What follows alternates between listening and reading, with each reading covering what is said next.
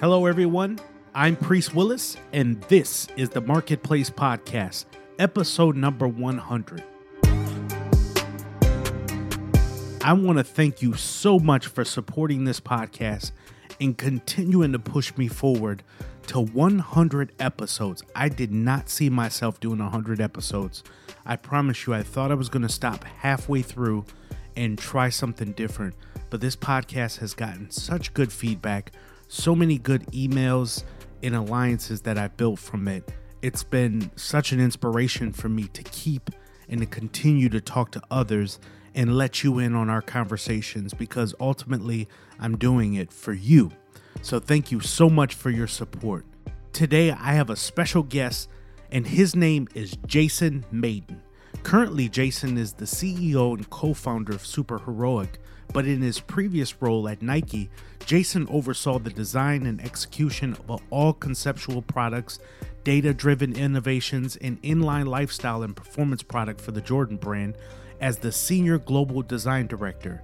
During his 13 plus year career at Nike, Jason led and contributed to the creation and innovation of sport performance products for athletes and cultural icons such as Carmelo Anthony, Chris Paul, Russell Westbrook, Derek Jeter, Michael Jordan, and more.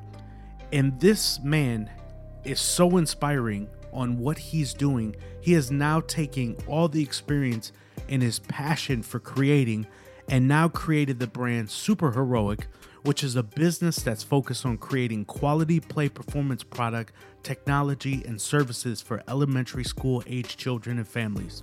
His story was so inspiring for me, and I hope that you get something from it as well. So, without further ado, here is my man, Jason Mayden.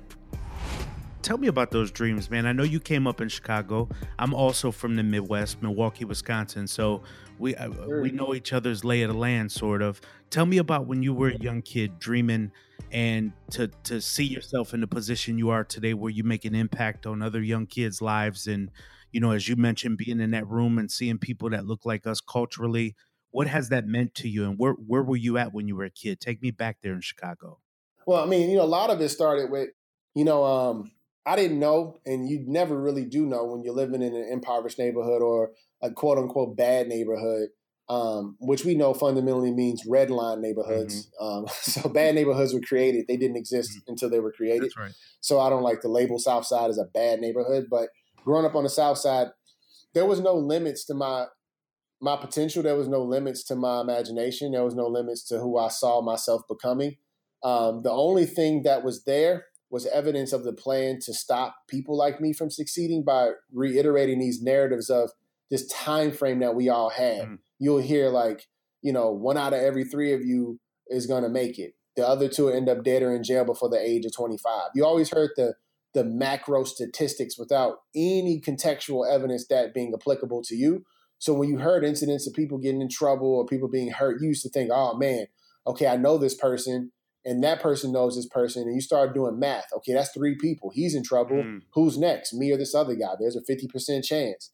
And so you constantly are playing the game of percentages. Mm-hmm. What's the percent chance that I'll likely have a positive outcome? And the more evidence you see on television and in music and in society with billboards and how they force you to eat packaged food in a, in a city in the Midwest, you think that the outcome is not in your favor, that no matter what you do, you're to ultimately fail. And so growing up in the Chi, it took a huge amount of energy just to keep talking to myself, to tell myself that I was possible, my dreams are valid. You know, I'm a kid that's multiracial. I didn't look like a lot of my peers. I was quiet, I was small, I was sick all the time, you know, labeled with a learning disability in second grade. So, you know, for me, I was regarded as not being, you know, quite honestly not being worthy of even having a conversation around if this kid was going to turn out okay. It was just certain that I wasn't going to be okay. It was told to my parents. It was written down. Um, it was I was treated that way in school, um, and I just never believed it. I, I felt like in my heart that you know everything I had been through was for a purpose. Everything I was experiencing was for a purpose, but people couldn't see that purpose because it wasn't their destiny. It wasn't their vision for their life. It wasn't their dream. And I just talked to myself a lot out loud, man. People used to think I was crazy because I talked to myself all the time because I felt like I have to believe before other people will believe. Mm-hmm. And I, I dreamed out loud, man. I wrote letters to Nike. You know, I went and hung out in sneaker stores. I couldn't afford the shoes that I wanted, so I would go and draw them. Um, you know, I went and I used to hang out in comic book shops and, you know, just kind of sketch the characters and, and draw my own version of them or try to play around and modify the story. Um, before I created culture, I just wanted to understand and immerse myself in culture. And none of my friends understood it. You know, none of the people that were around me understood it. You know, I was into Gundam and anime before, you know, this is late mm-hmm. 80s, early 90s when it wasn't a thing. You know, like to find anime and gun, like you had to go out of your way to be into that stuff. You know, uh, back then it was subculture, just like skateboarding. Like I used to watch tons and tons of hours of BMX. The movies like Rad, you know, you know, reading. Oh man, I, I I used to watch all that too, man. I, w- I was right with you on there, by the way. Yeah, you know, like Rad and Thrasher magazine, like this was those are my bibles, man. Like I was into the culture that I felt was allowing people to express themselves, and it wasn't easy to express myself because my tastes were different than my peers. You know, I wasn't into into some of the things that kids were into. So, you know, a lot of my upbringing was learning how to be a social chameleon to to fit in just to get through the day because of the you know being picked on for being different. Mm-hmm but now I look at my experiences and I'm so thankful because the things that I was into that made me be positioned as a nerd or weird are now the things that are mainstream and popular. So my assumption and my hunch when I was a child that, you know, because I used to tell my parents, like, I just feel like I was born at the wrong time. I used to honestly walk around saying that, like, I felt like I was born at the wrong mm. time. Mm. Either I was supposed to be born in the 1920s because I loved that era, uh, the style of dress, how intellectualism was still a thing Black excellence was beautiful through art, music, society. It was like we just had this really firm grasp on who we were. Or I was born too soon. I needed to be born in like the year 2100, you know? but I never felt like I fit in in the time that I was born. And I still feel like that in a lot of ways. It carried over from childhood. But I can say in, in summation, man, long story short, growing up in Chicago was amazing. To, to realize the beauty and depth of, of my culture that I come from and, the, and live in a city that was founded by a Haitian immigrant and you know the only major city in America to have that story, you know, being founded by someone that came to this mm-hmm. country to do business from the Caribbean. Um, man, that's awesome. And I can't say enough positive things about Chicago. All the stuff you see on television is what they want you to see. And you know this coming from Milwaukee, man. That's right. I mean, I you know, we used to go to Wisconsin Dells and I got family in Milwaukee, so I know exactly how they position it to say, hey, don't come here. But that's because the Midwest is rich in resources. It's rich in culture. It's rich in history and art. It's where the it's the only time we had a mass migration in the United States was when everyone came to Chicago right. for the Great Migration. That's the only time we had a mass movement of people outside of when the pioneer era, people going west. But a mass migration only occurred in the Midwest. So we have this embarrassment of riches of really smart, talented, skilled people of color that were concentrated in the city that allowed them to build an economic base. And so growing up around first generation Irish, first generation Polish, Ukrainian, you know, Italian, we didn't understand that we weren't supposed to like each other because the concept of race didn't exist because we were all poor. And so having that experience back then allows me to see exactly why I'm driven to help children because I was a kid that needed help and no one came. And so my whole life's mission was to was to is to become the person that I wish I had. You know, I have an amazing father, amazing mother, but when you're a kid that has different interests than your peers and you can't really relate to anyone around you, you feel alone. And so having these people who come from other countries, I felt like that. I felt like a resident alien in my own community because I didn't relate to anybody. Um, it's interesting because I'm a lot like you, where I'm biracial. I grew up in Milwaukee, Wisconsin. My mother's white, my father is black. And so you have a different perspective of the world than even your parents had because either one had one culture and another had another. Yep. And then on top of that, you grew up in the Midwest. So as you pointed out, you have, you know, Irish people, you have uh, German people, particularly for Wisconsin. You just have a collection of people that you're growing up with. So your story is much different than anything you've heard in the past. And now there's a different presentation coming out of stories like President Obama, myself, you, and so many other people that have different cultures kind of embedded in them. That's why I think there's so much beauty in your story because here you are, you have this direction, if you will, that you're going through the corporate world, eh, Nike, and we'll we'll talk about this a bit. But I also want to talk specifically about your venture, Super Heroic, where you still have to kind of be tapped in a little bit into that kid that was inside of you looking for an out. and be able to provide a platform for them to search and discover themselves and bring in a new platform for the future, right? So um, that's why I brought my sons to come out and see you because I thought it was such a different perspective for somebody to. Eh, this isn't going to sound right. I mean, it's a nerd alert, but if you unplug from the matrix a bit, yeah. which would be the corporate world, and kind of put yourself into other kids' positions and want to see them win and want to see them become the hero of their story.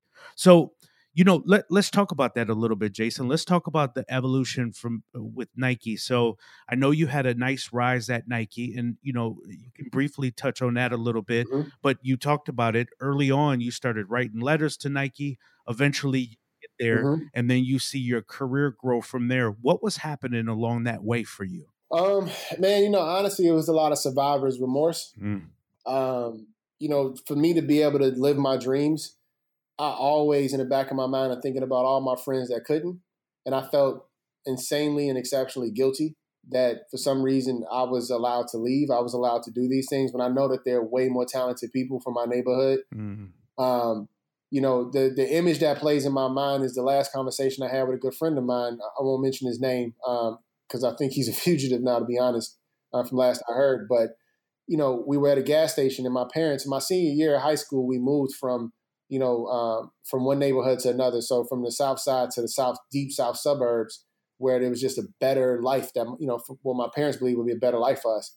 Fortunately, it was a senior year of high school for me, so I had already experienced everything that I was going to experience, and you know, senior year really wasn't. It was kind of a wash. I was done academically. I was already kind of you know ready to go to college. I was taking classes that were getting me prepared for college, so it wasn't really.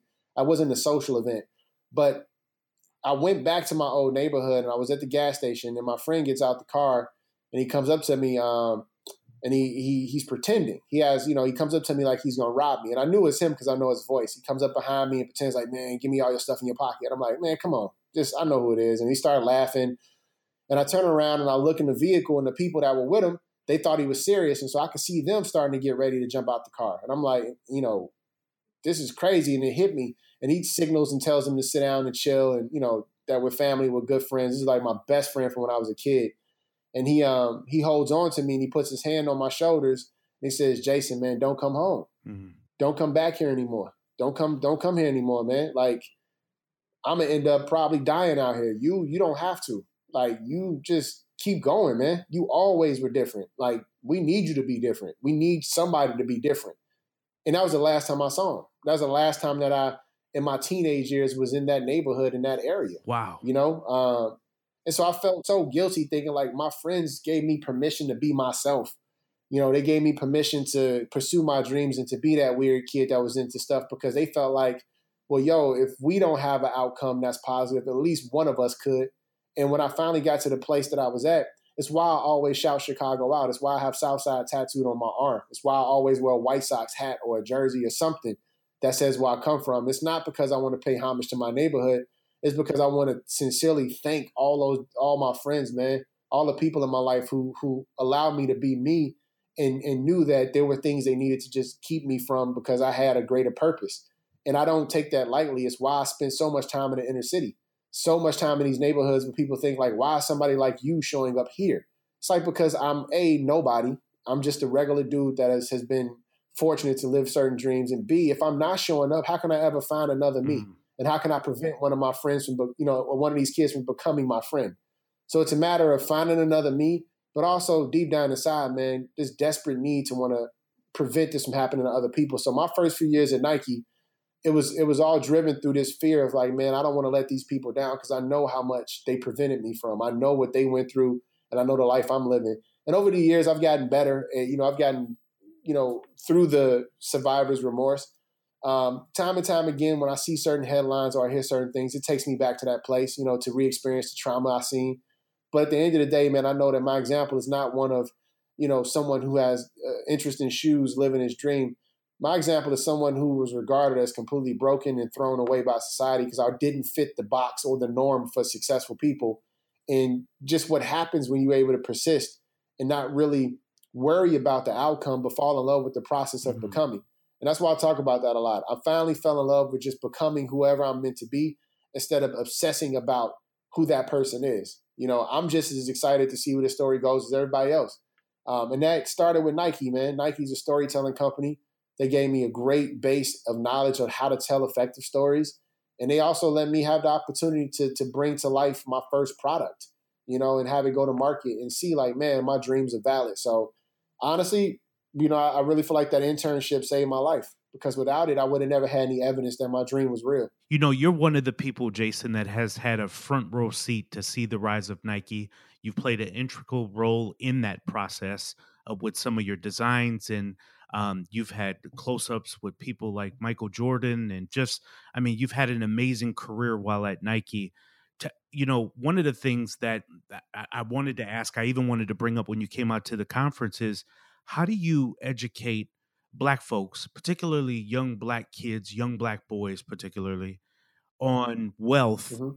but at the same time, not being lost in putting so much of a premium into tennis shoes like they have been. Now I know that you know yeah. these shoes are going for thousands of dollars being traded on eBay. They mm-hmm. have sneaker shows on Complex and all that. Now, you know, respect to that, especially for those that collect and do all that. Mm-hmm. But where's that balance at for the culture that teaches people about wealth, mm-hmm. but not put so much of a premium. Sometimes, uh, you know, they invest all of themselves in a tennis shoe. Or am I mis am I mm-hmm. misguided by that that culture? Yeah, well, I think you have to look at things in context of history, right?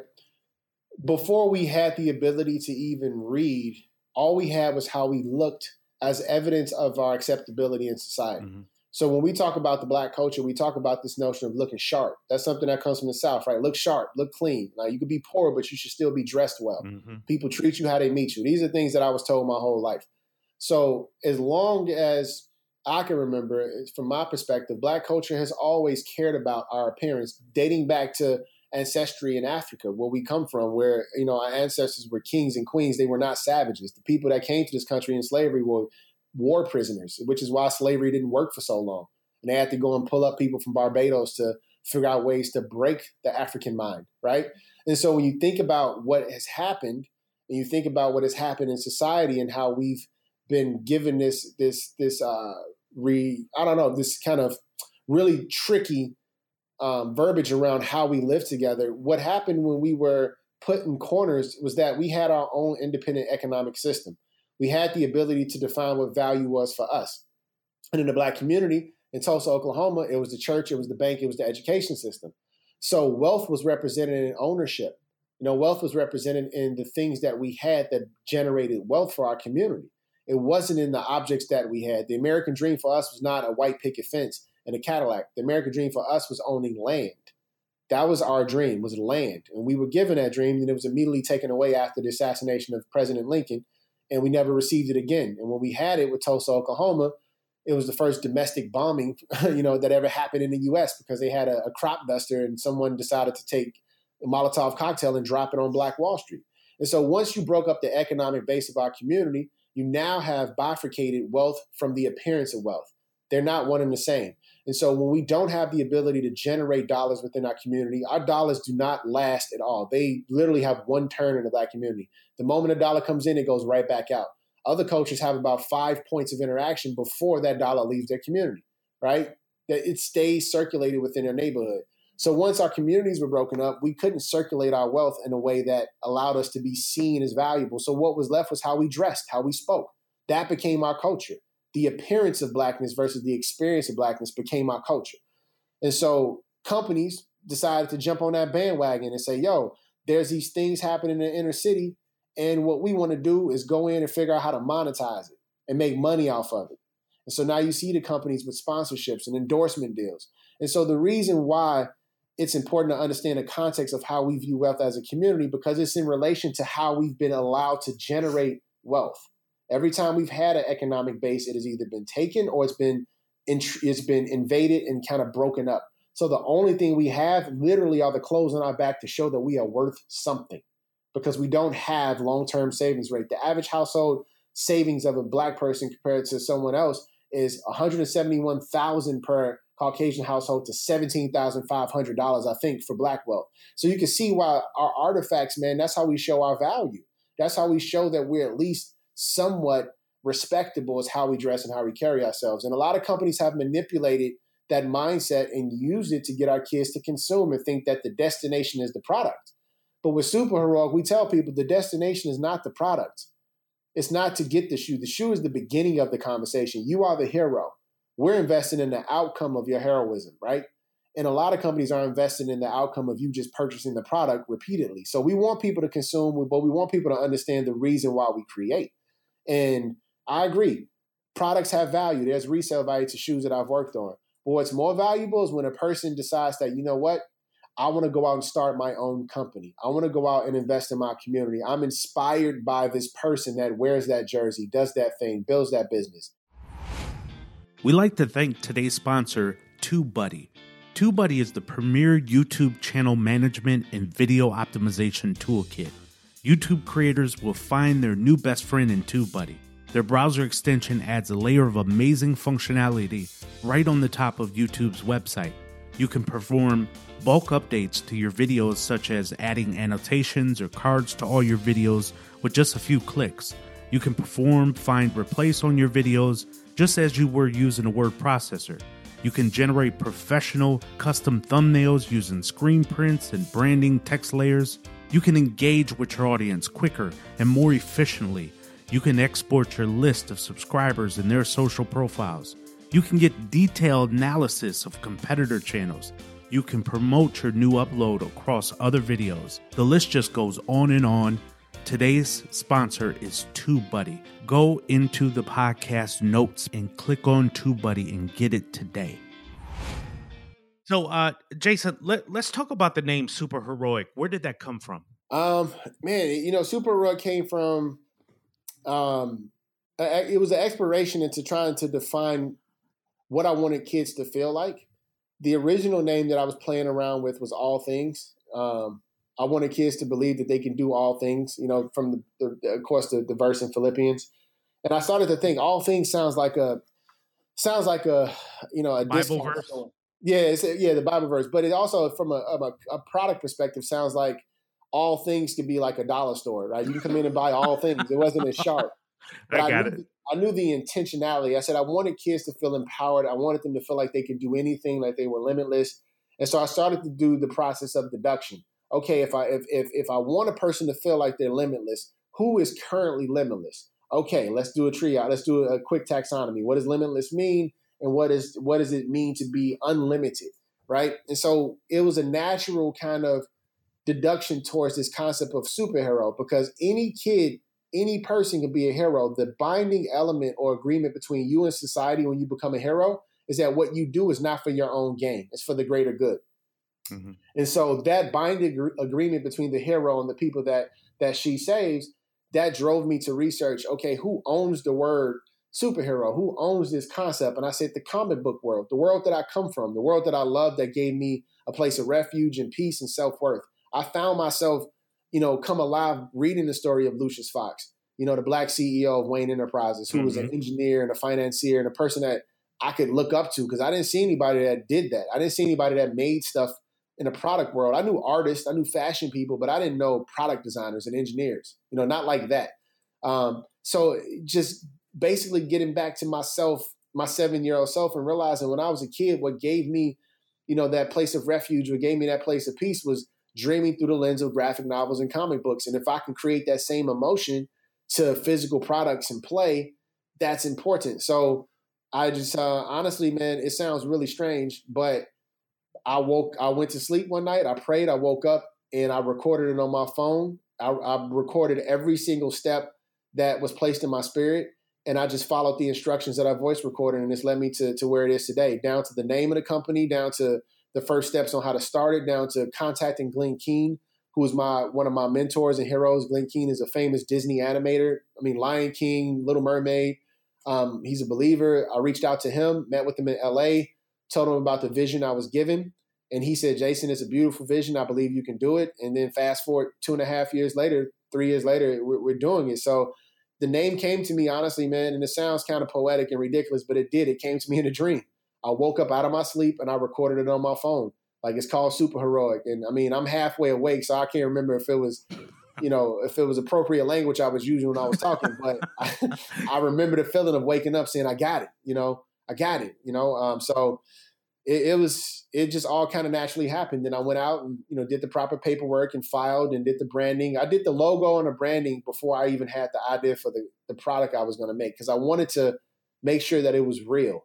And mm-hmm. once you have your branding and your brand positioning and the idea, it becomes real. So step one was logo and typeface and and it became real to me and I've just been feeding that dream ever since. I should say we've been feeding that dream because it, it started with me at my kitchen table, but it's now expanded to a massive team of brilliant people who are just all dedicated to this mission of empowering the youth. And it's so funny because you you have like this creative story even through getting the box because I remember uh, when we were sitting in the conference, me and my sons, that I didn't realize this, but I think when you open the box or you open the bag or something along those lines, it actually makes the sound that kids typically make when they get some kind of item like those or flying through the sky or something along those lines. So you've really given it some thought from start to finish on how it it serves your demographic, which is you know young folks.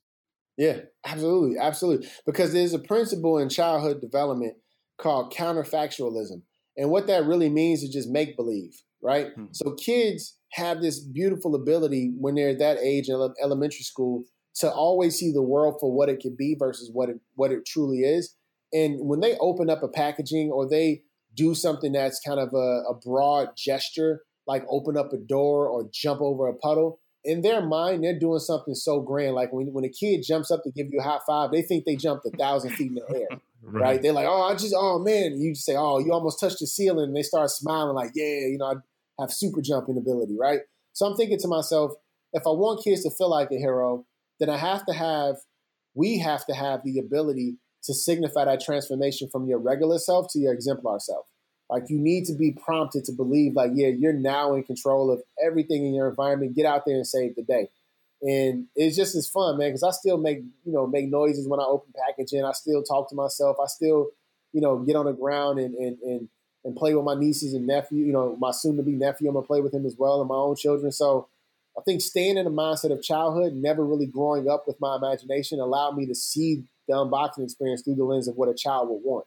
Now let me ask this because you had you had a better um, or you had the best access to one of the biggest shoe companies in the world and I think this would have been a good or you know for me would have been a great plug-in for Nike as some kind of sister company but it you know you made a complete pivot brought it under yourself I know you've went through funding and different series of funding and all that kind of stuff. Why, not necessarily why was it important to not go with Nike, but I know because they kind of gave you the inspiration and they they motivated you and they they rooted for you. But why didn't you build that as an arm to Nike or something as a sister company under them? Why was it important that you just kind of, you know, blazed your own trail and went off on your own? Well, I mean, you know, one, it started with why I left the company. My son had gotten sick you know, that's not the responsibility of Nike to to care deeply about my child. That's my responsibility. So I wouldn't yeah. outsource. You know, I don't. I didn't depend on them for my well being and my family's protection. I depend on them for a paycheck and mm-hmm. for opportunity to display my talent. So the way I was raised, I've always told people from the moment I walked in that company, I will leave this place if it ever stopped or impeded upon my ability to be a good father and a good husband. And when that time came, I quit. So it's it wasn't a matter of why not go to Nike and have them, you know, participate. It was a matter of what I was being called and compelled to do. It was less about me leaving Nike, more about me moving towards my purpose and my calling. And mm-hmm. so that company was not part of that chapter of my life, which is now. It was the, it was the catalyst that got me to that point. It was the bridge and the blessing that got me to this point, but it wasn't intended for me to continue on. I needed to go out. I needed to leave you know, this place where I had tremendous comfort in order to get the growth I needed to be the man I wanted to be and do the work I was born to do. So to depend on quote unquote my parents' home to provide for me, I never was going to ever know what my purpose was. Because if I had this dream and this vision and I placed it underneath someone else's, which was Mr. Knight's, then I would basically tell myself that my dream is not valid enough for me to go out and see if this is truly my calling and my purpose and if this is God's will for me. Mm-hmm. And so I wasn't afraid to say, you know what, Nike was a great run, but Nike was not my dream. It was Mr. Knight's dream. And he allowed mm-hmm. me to be part of it. He allowed me to dream and discover my dream through his, which was a blessing. But my ultimate dream and purpose was to do exactly what I'm doing now. And you know, I experimented over the years with products at the company that showed me that this is my passion. I wanted to be in kids. I asked to be in kids. Um, just never really worked out. But when the timing was right, I made my move, and, and I'm thankful that I did. Yeah, that that's that's really good feedback because a lot of times people do have this sense of entitlement when they work for companies that they owe you some kind of leg up or handout of some sort outside of your paycheck, um, something that you obviously earned. Like the company should be doing something for you, yeah. and you you know that's why people get caught up stealing toilet paper and pencils and stuff. Like they owe me. I'm taking yeah. these pencils home with me. Um, they need to give me more. They don't give. You know, I, I read that um, Magic Johnson was one of your first investors. So yeah. you have some very prominent people that believe in your dream immediately. Uh, what did that do, and what did that mean for your business? You know, what's interesting is how I met Magic um, or Earvin. Um, I met him being my natural self. Uh, first interaction, I was advising uh, Steph Curry and Bryan Barr on their company Slyce.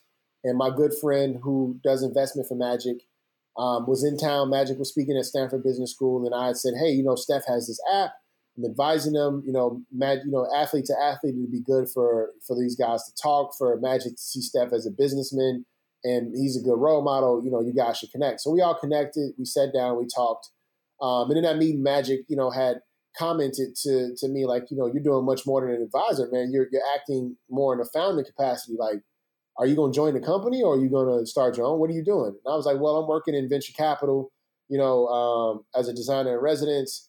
I advise, and you know, I'm working at Stanford. I, you know, I'm not, I'm not interested in doing my own thing just yet.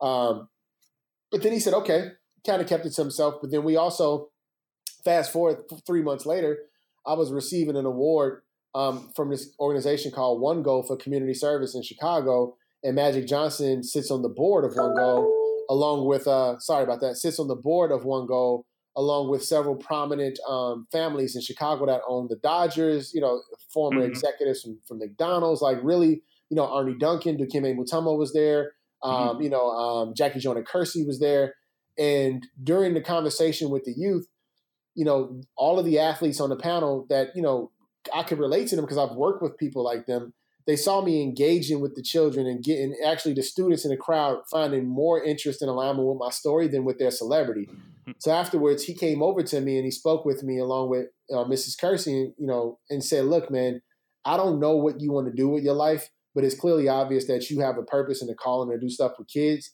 And I'm telling you, one day you're gonna own your own company, and I want to invest. I want to be there." He mm-hmm. mentioned it to my friend on the plane ride back. Said the same thing. Like, I don't know why Jason isn't doing a shoe company to help kids it just feels like that's his purpose and his calling. And so then almost eight months later, when I woke up from the dream, I had the idea. I talked to Glenn Keane. I put together my presentation, flew down to LA to talk to Ryan, who does investments for Magic. And Ryan starts laughing, like just uncontrollably laughing at me as I'm pitching. And I'm looking at him like, bro, we friends. Why are you like, is it that bad? And he's like, no, I'm so sorry, bro. It's not bad. It's just Earvin said this was going to be the outcome for you. Earvin asked me, why weren't you doing a shoe company for kids. Why weren't you doing this? And he said he wasn't going to push it on you. He wanted you to come to the realization yourself that that's what your purpose is because he saw it. Because, you know, Earvin's a great man of faith. Mm-hmm. So he said he saw it in me. He saw it for me in the future. And, and so it was literally a matter of a few conversations after that because they had already seen me in that capacity. They seen me in my natural state of service in my city.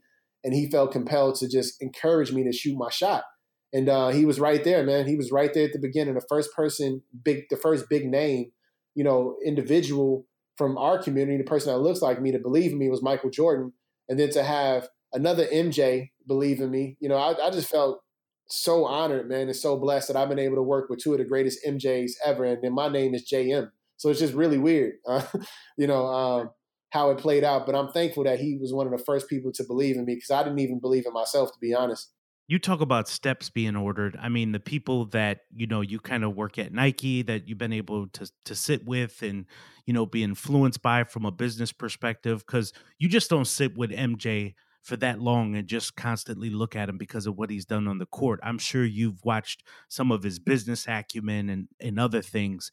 I mean, you've had a front row seat to some of the most you know awesome business folks in the sporting world and outside of that, which is really cool. Yeah. Yeah. Um, And, and, speaking of which, so tell me some of the best business advice that you've received along the way, whether it was from either MJ or you know your, your, previous mentors. What what is some things that you know as people are listening to this that they can hear from you that they could hold on to as they go through their own journey? Yeah, that's a great question, man. What, what I would love to, to be able to do to share with everyone is separate the concept of being a leader from the concept of running a business. Those are two different things. Mm. Um, I think it's more important for me to share advice about leadership because that's how you show up in the world. You know, your business changes based on market dynamics and the money you have and the market you're attacking. But we need we have a void of good leaders. We got mm. a lot of people that got business ideas, very few people that have understood and been trained and have learned the science of leadership. And I'm not an expert. I'm learning myself. I'm growing every day. CEO is a is a job that you only can learn on the job. It's the only job that there's no course you can take, there's no book you can read, there's no, nothing else that you can do other than experience the role of being a CEO in order to learn how to do it correctly. Um, it's a lot of humility that comes with it. It's a lot of realization of what you're made of. You're mentally uh, tested daily. Mental health is always, you know, something that you have to take care of. Spiritual health is something you have to take care of. But the message I would want to share to people is leadership is not your title; it's your behavior, and you mm-hmm. have to check your behavior you have to make sure how you show up is authentic and congruent with what you want to put into the world. Your body language and your words and your emotions all need to align. So if you're telling the truth, you should have a posture of truth. If you're, if you're disappointed, you should have a posture of disappointment, but you want to be able to express how you feel. So language do that. Matters. LeBron had a posture of upsetness with yeah. J.R. Smith, and he blew it. So he blew he's it. not he's not a good yeah. leader. He's not, not well. That's the thing. He wasn't congruent in how he showed up, right? Like, yeah. as a, if you're the team leader, and you're disappointed in someone that made a play in a high stakes situation or lost you the game, your job is to make sure their head and their mindset is ready for the next game. Now I mm, can't mm, say I can relate. I've never been in a game in a in a game one of the NBA finals. But I've been in a game one of walking through the south side of Chicago having to survive, which is even more pressure than J.R. Right. Smith going in the wrong direction. And what I can tell you is from a leadership perspective, congruency matters. If LeBron was upset, LeBron's posture showed he was upset. LeBron's words said he was upset that's a moment to express to his teammates, like, yo, you made me feel this way when you did that. And I feel like, you know, because the fact that the whole huddle kind of shut down mm-hmm. and they just kind of separated themselves, yep. that's that, that's that's not that's not good leadership, man. Because even if somebody in your team makes a mistake, you still they're in your team. You still got to build them up so that they come back and want to compete again. Because nobody makes the right decision all the time. And so that's the lesson I want to share with people in business you know, you can read the books about how to grow and manage finance. There's enough people that are better than that than me and explaining that stuff. Um, but what I can tell you is what matters most is being a good leader because they're vacant. And you see that with all the cases of abuse, all the cases of misappropriation of, of, of corporate funding, um, everything. Because no one has been told that once you raise this money and you step into a position of a founder, you're now can, you're now viewed as a leader. So you have to start behaving as one. You have to start researching what it means, and you have to start getting trained and letting go of these these these uh these historical mental models that prevent you from evolving and being mm-hmm. a better version of yourself and being the person that your organization and your market needs. And I'm in the process of becoming that person. I'm not there yet. There's so many mistakes, so many sins, so many fears and insecurities that I have that I'm working through.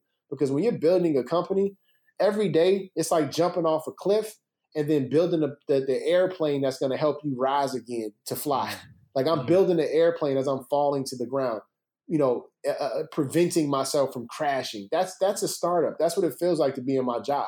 Every day is a fire drill for me. Every day is okay. How do I make this decision? How do I do something I've never done before that I don't have any reference because I've never seen it? That's where leadership comes into play. You have to learn how to lead yourself and then lead other people. And I'm in the process of becoming that person. I'm in the process of learning. And what I'm seeing is a fundamental difference in how I'm showing up in the world, how I handle relationships in my personal life, with my teammates. Um, but that's the most important part of business that nobody talks about is leadership. Everybody talks about the money, how to make money, how to make money. If you're not a good leader, then what do you do with your money? You abuse people with it. So mm-hmm. I'm more interested in building and training and communicating. How do you become great leaders in this market? Because they're missing. Because I swear I'm I'm I'm desperately trying to search my soul to be a better person and a better leader. Because I don't want to get through life and not have the opportunity to feel like I've evolved and grown and learned and, and created good memories. And I think about the people who just simply get power and want to abuse it. That's a terrible life because you have to always think who's coming to get you, mm-hmm. who's coming to take it from you. You know, for me, I'm like, well, I'm willing to serve, I'm willing to give, I'm willing to encourage. And some people may not like that I try to be as positive as I can all the time, but it's naturally me. That's who I want to be in the world. So that's the business advice I would tell people. Man, your first, you know, their first product is really your culture, and your first audience is yourself. I love where you took that question because you're absolutely right, and you're you're going to make me change how I propose that to people when I talk either on a podcast or just in general. You're right. The businesses may change, the P and L statements may change, but what what is lasting is the leadership that we bring to the business. So when you have businesses like Super Heroic, for example, you you want to let your soul essentially pour out into the business, not be dictated by the the spreadsheets and and other stuff. That that's so good, brother. I really appreciate that one. Oh man, no doubt, man. I mean, it's it's genuinely who I am, man. It's what I what I stay up at night about is am I doing my best job as a leader? Mm. You know, the the money is money, right? Like you got to raise capital. You're gonna have to cut budgets. You're gonna have to move stuff. You're gonna. There's always gonna be something to fix. But the one thing I can constantly control is am I doing my best job to be the best leader possible? I can't control anything else. There's just too many variables. But that I can control that part. Well, you so I edit. I to edit to amplify. You know, this brings up a good question that I, I, I you know, I wanted to bring up at the conference as well. Um, and talking about leadership here, you know, you mentioned at the conference that at some point, and you didn't say it was in recent, it could be 20 years from now, that you did want to go back to Chicago and run for mayor or some political office, somewhere to have some impact, if I remember correctly. And that's admirable. Yes. And I think an extremely ambitious goal, which I would support you 100% on. And I'm sure other people would by just hearing this podcast and hearing you talk alone. Why is that important for you to do for that city, for that state? What, why does that mean so much to you? Well, Chicago gets a bad rap. The things that are happening in Chicago have always been happening, and they've been perpetuated by a system that has profited from the destruction of people that look like me. And I'm not a person that complains. Mm-hmm. I wasn't raised to complain. I'm a person that was raised to get out there and find a solution. And I believe being in my city, being in a mayoral position, being able to touch the people that I love so dearly on the north side, west side, south side, being a homegrown boy that came from nothing, didn't have the right family last name, didn't have any of the accoutrements of what you would think a political juggernaut could be. That's what I want to show. I want to show up and, and prove to these kids that it's possible. That it's possible. And so many people talk about helping their community, but I want to I want to I want to help my entire city, not just my neighborhood where there's violence, but there's also equal oppression in neighborhoods where people are wealthy. Mm-hmm. Because you have mental issues and a lot, you know, mental health issues in a lot of these communities where we think these people have it all buttoned up. You know, you look at the opioid epidemic, it's not affecting people in the inner city. Mm-hmm. It's affecting people in rural America and in affluent communities. That's also equally as damaging to, to Chicago's well-being. Facts. So I want to get back to the Chi and, and, and be an example of what's possible when you're independently wealthy and you're doing it for no other reason than service. So many people get into politics for power. I want to get into politics for impact. You know, I, I want impact. Mm-hmm. That's what I want, not power. I want impact. That's different. Power is individual, impact is distributed. I want everybody to feel like they can do anything with their life. I want everybody to wake up and feel exactly how I feel every day that I have no boundaries because I believe in myself and God has told me that my dreams are valid. If I can provide that type of legacy, that type of thinking for my entire city, the world's only open air architectural museum, one of the most diverse, rich, segregated, crazy social experiments that has ever existed in the creation of modern civility. Mm-hmm. I want to be part of that. You know, there are parts of, of, of Bloomberg's, you know, tenure as a mayor that I admire. Mm-hmm. You know, here's a man that was wealthy that said, you know what, I'm going to be mayor in New York and I want to do some things that I believe are valuable. I want to make Times Square walkable. Mm-hmm. Like, that's real. Like, Times Square is not walkable. Anybody that went to Times Square prior to Bloomberg can remember what Times Square was like. It was a mess. It was not, it was a mess. I want to make the South Side walkable. The South Side is, is like an, it, it literally is it's it's a it's a timeline of black excellence in America. When you think about Bronzeville in Chicago, the DuSable Museum, the fact that Muhammad Ali had a home there, the mm-hmm. fact that blues came from Chicago, the fact that Oprah. I mean, man, you think about Oprah, Michael Jordan, Barack Obama. What other city can say that these people are actual residents of? Right. No one. No one. So I'm like, man, if I can go back and be a mayor of that type of rich history, that type of creativity and art, you know, regardless of if people are black, white, Asian, whatever, if I could just go back and serve my people and show as an example of a person who wants to do the right thing, then man, that's all I care for. Like I may not be the person that that creates the change, but I might spark the mind that that does, mm-hmm. you know? I might be the person that sparks the mind that does, you know, that actually implements the change. And I'm referencing Tupac when I say that on purpose. Right. You know, so to be a mayor for me is less about the title; it's more about the impact, man. It's more about the impact. Well, I guarantee we have family in Chicago, South Side Chicago, all over Illinois for that matter, Decatur, Illinois, and some other areas. So I, I'm I'm sure you would get some of my family's vote, especially after hearing this. You know, as we close, Jason, you know, just uh, where do you ultimately want to take super heroic? What is your larger focus before you get to being a mayor? That's down the road. What do you want to do today for your brand? Where do you ultimately see it in the next year or two? I would say um, in the next year or two, three critical things. One, in terms of messaging, really expanding the, the conversation around what it looks like to be a modern parent and to double click on that to be a modern father. Mm-hmm. Um, you know, I'm a dad, I'm, I'm, not a mom, so I, I, can't speak to that experience. But as a father, we've been left out of the conversation. Mm-hmm. The examples we have on television are often vacant or completely aloof. You look at every cartoon, from Family Guy to The Simpsons, the father is an idiot. Yeah, that's right. You know, Peppa Pig, the father's an idiot, and that that when that that's intentional that they write it that way. Mm. That's intentional that the archetype of a father's position is less than, mm. and then we put this emphasis on gender roles and say the mom needs to do cooking, the mom needs to provide emotional support, the mom needs to do the care, the dad just makes the check. That's frustrating to me. Mm. I took off a year of work to be with my children because I love them, not because I didn't want to work. Mm-hmm. And then to be left out of the conversation or regarded as effeminate for wanting to be a man that takes care of responsibilities infuriating to me. I'm thinking to care Al for my Bundy too. Yeah, Al Bundy. You know what I'm saying? To care for my children does not make me less of a man. That's right. And that's one of the things I want to kind of advocate on behalf of is the father is needed. The father emotional inclusion is needed, right? And we also should have equal balance in terms of time off to be with our children when they're born. Mm the fact that men are afraid to take i had to take paid time off to be with my children each time they were born. Mm-hmm, me too. That, that's ridiculous. It's ridiculous. Like you penalize me for being a father. Mm-hmm. so that's that's part one. Part two is is is building awareness around the urgency to protect play and creativity. We ignore it and we talk about it in a way that's cute and high level but it is a fundamental attack on our children's ability to remain children happening right now in our world they're being thrown into adult conversations without any explanation. They're being conditioned to just get jobs instead of being critical thinkers and ask better questions. And then they're being forced into these assignments of who they should become based on a broken college system that just perpetuates debt. And so I want people to be able to draw their way out, create their future, decide who they want to become through the arts. Because creativity was my jump shot. I knew I wasn't going to get out by being a pro athlete. Sports would get me to college, but not not to a life of, of balance. Mm-hmm that was creativity. So I want to advocate on behalf of the arts and also show people a different version of design. There are no designers in product design, industrial design that look like me. I'm the only one. Mm-hmm. Everyone else is in fashion and streetwear. I'm not. I'm a trained classical industrial designer. I make products. I can design a car, I can design an airplane, I can design a house. That needs to be talked about. That there are people like me that can build and do do things, and I want to I want to share that. And the third piece, honestly, is bring back fun. You know what I'm saying? Like fun is now taboo. Mm-hmm. Like nobody can smile anymore. I want to bring back the act of smiling, man. Like I smile all the time.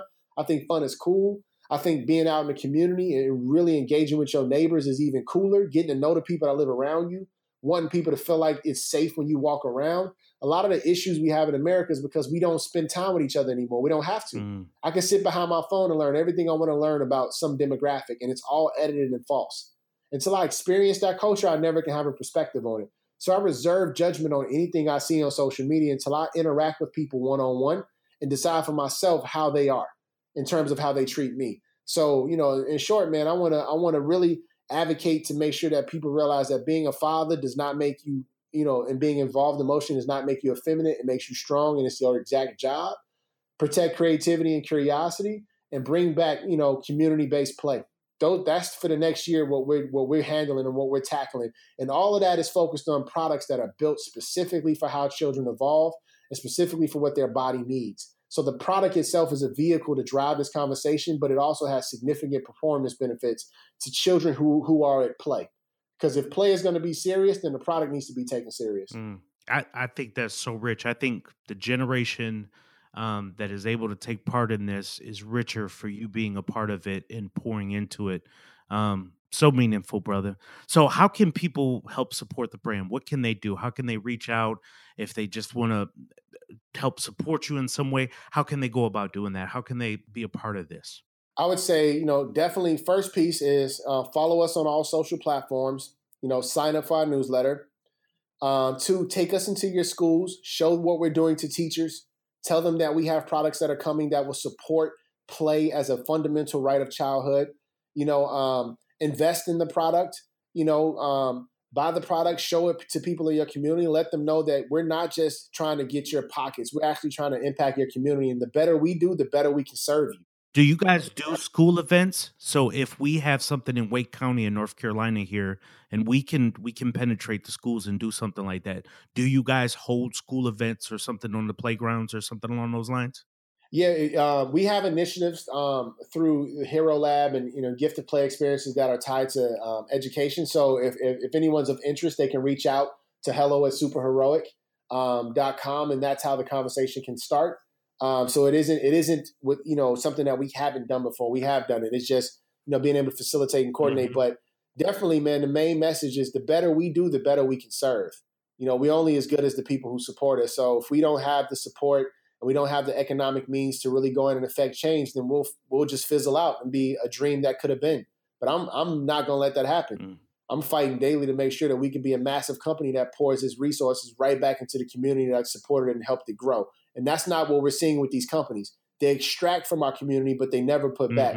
And as God is my witness, man, the bigger we are, the more I'm going to double down and serve. That's why I'm here. And that's honestly what I think everyone who signs up to work at this company believes in is that our position is not just for monetary gain, it's to create true lasting impact. Well, I believe in you 100%, brother, and I appreciate you taking the time out. I've been honored and blessed by this, and I'm sure the listeners have as well. This is so rich, and I want people to go out and check out Super Heroic. There's so much vital information to the young people um, of the generation uh, that they can't lose with, with a message like you have. And I thank you so much for taking the time out to be with me. Uh, man, thank you for listening, man. I appreciate you. Thank you so much. Man, it was so cool having Jason on the show today. As I referred to many times in the episode, I took my sons out to see him speak about his journey and his time in Chicago. I'm from the Midwest, as I mentioned.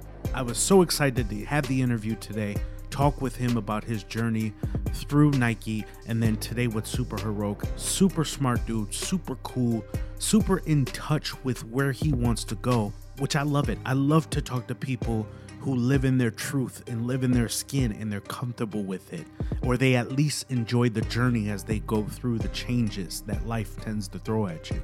So I hope you got something from this podcast. I know that I did. Please join us next Sunday for another inspiring guest. As always, please leave your feedback on iTunes. Let us know how we're doing so we can continue to push through. Thank you so much again for supporting this podcast. See you next Sunday.